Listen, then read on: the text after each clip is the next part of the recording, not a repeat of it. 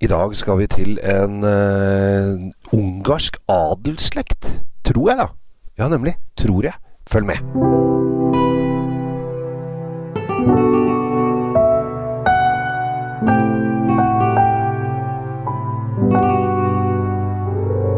Og hjertelig velkommen til uh, ukas uh, episode. Ukas høydepunkt, vil jeg si, da jeg skal få lov å drodle litt om vin og hygge fra min uh, lille Ja, i dag så er jeg faktisk Altså, det er jo påske når denne episoden spilles inn, så jeg er på fjellet. Jeg sitter utendørs til og med.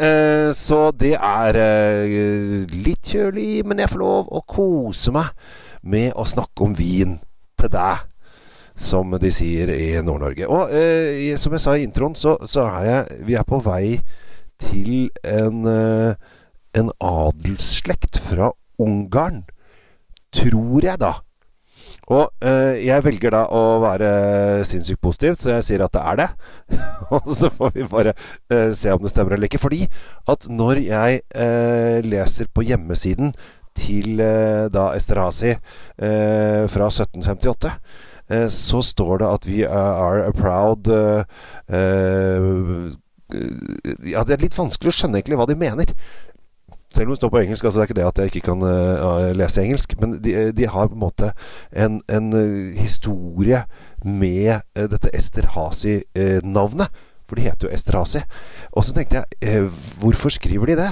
hva er det som gjør at dette navnet har noe å si? Og du og jeg har kanskje ikke så mye peiling på hva det er, så jeg begynte å google litt, jeg. Og da fant jeg at uh, Esterhazy er en av de største ungarske adelsslektene. Uh, og eide nesten hele delen av Ungarn. Og husk da, vi er da i Østerrike, så Østerrike-Ungarn var jo et land sammen. Uh, og her har de da eh, blant annet ja, De holdt på mest i Ungarn, men de holdt på i Wien. De har hatt eh, Josef Hayden som kapellmester i familien. og det er både aristokrater som snakker ungarsk, og aristokrater som snakker tysk i familien her. Og så har de liksom delt seg litt opp, og da er det da nå eh, Esterhazy-familien i eh, Tyskland Nei, i Østerrike. Som eh, Tysk-delen av østerrikske eh, tysk, det, Tysk-delen av Østerrike. De snakker tysk i hele Østerrike. Eh, men eh, veldig morsomt, for jeg hadde egentlig bare lyst til å ta frem denne vinen her, fordi at den kom i basis nå Var det i januar, kanskje? så jeg har egentlig hatt den liksom stående en stund. Og så har jeg tenkt at dette her her har jeg lyst til å prate. Og så begynte jeg liksom å google og undersøke, og så ble det bare mer og mer historie her. Så det kan være at de har en lang historie med et uh, ungarsk Som et ungarsk uh, østerriksk uh, adelsslekt. Det hadde vært veldig gøy. Og nå Vinen er jo egentlig Den taler egentlig litt for seg selv. Vi er da i Burgenland. Jeg syns det er veldig morsomt at det, et, at det heter Burgenland, for jeg, jeg tenker liksom på burger hver gang jeg hører på det. Så det er jo mer det at det er humor for oss i, i, Norge. Og vi er i Leithaberg. Eh, litt usikker på uttalen der. Nesten synes jeg nesten ut som jeg hørte snakket eh, islandsk i Leithaberg.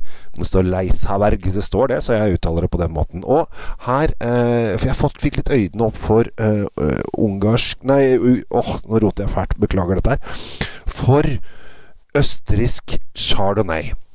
Fordi at Østerrike er kanskje mest kjent for uh, Grünerweltliner, uh, Zweigelt, uh, Grauburgunder og alle disse andre druene.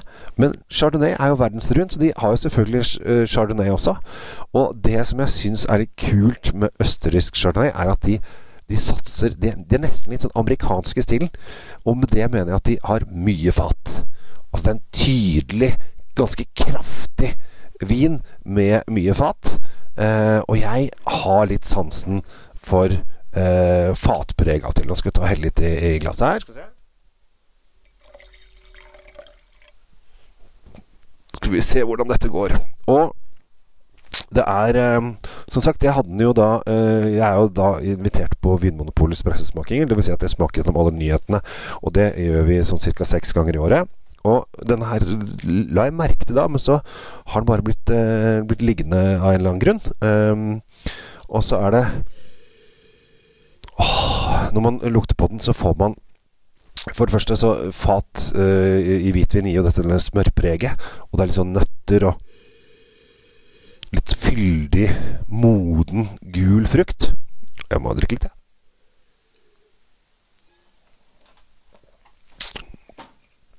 Som har da en um, deilig, fyldig, rund ettersmak med skikkelig Altså nesten litt sånn Den er tjukk-tjukk.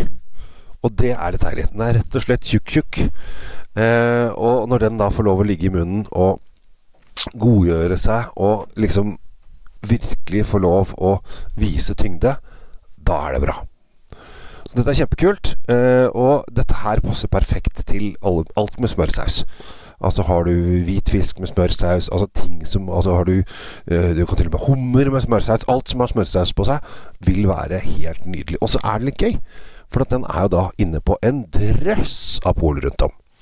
Så her er det rett og slett uh, en kraftig vin som har ligget på bunnfall også i åtte-ni måneder før den kom inn i fatet. Så den har virkelig tyngden i seg. For er du en person som liker de tunge, kraftige hvitvinene, så bør du kaste deg over Esterhazy Sankt Margareten Chardonnay 2019. Eh, og så kan du tenke over at kanskje, antageligvis, er en gammel adelsslekt fra det gamle landet Østerrike-Ungarn, som kanskje var det dårligste landet vi noen gang har hatt.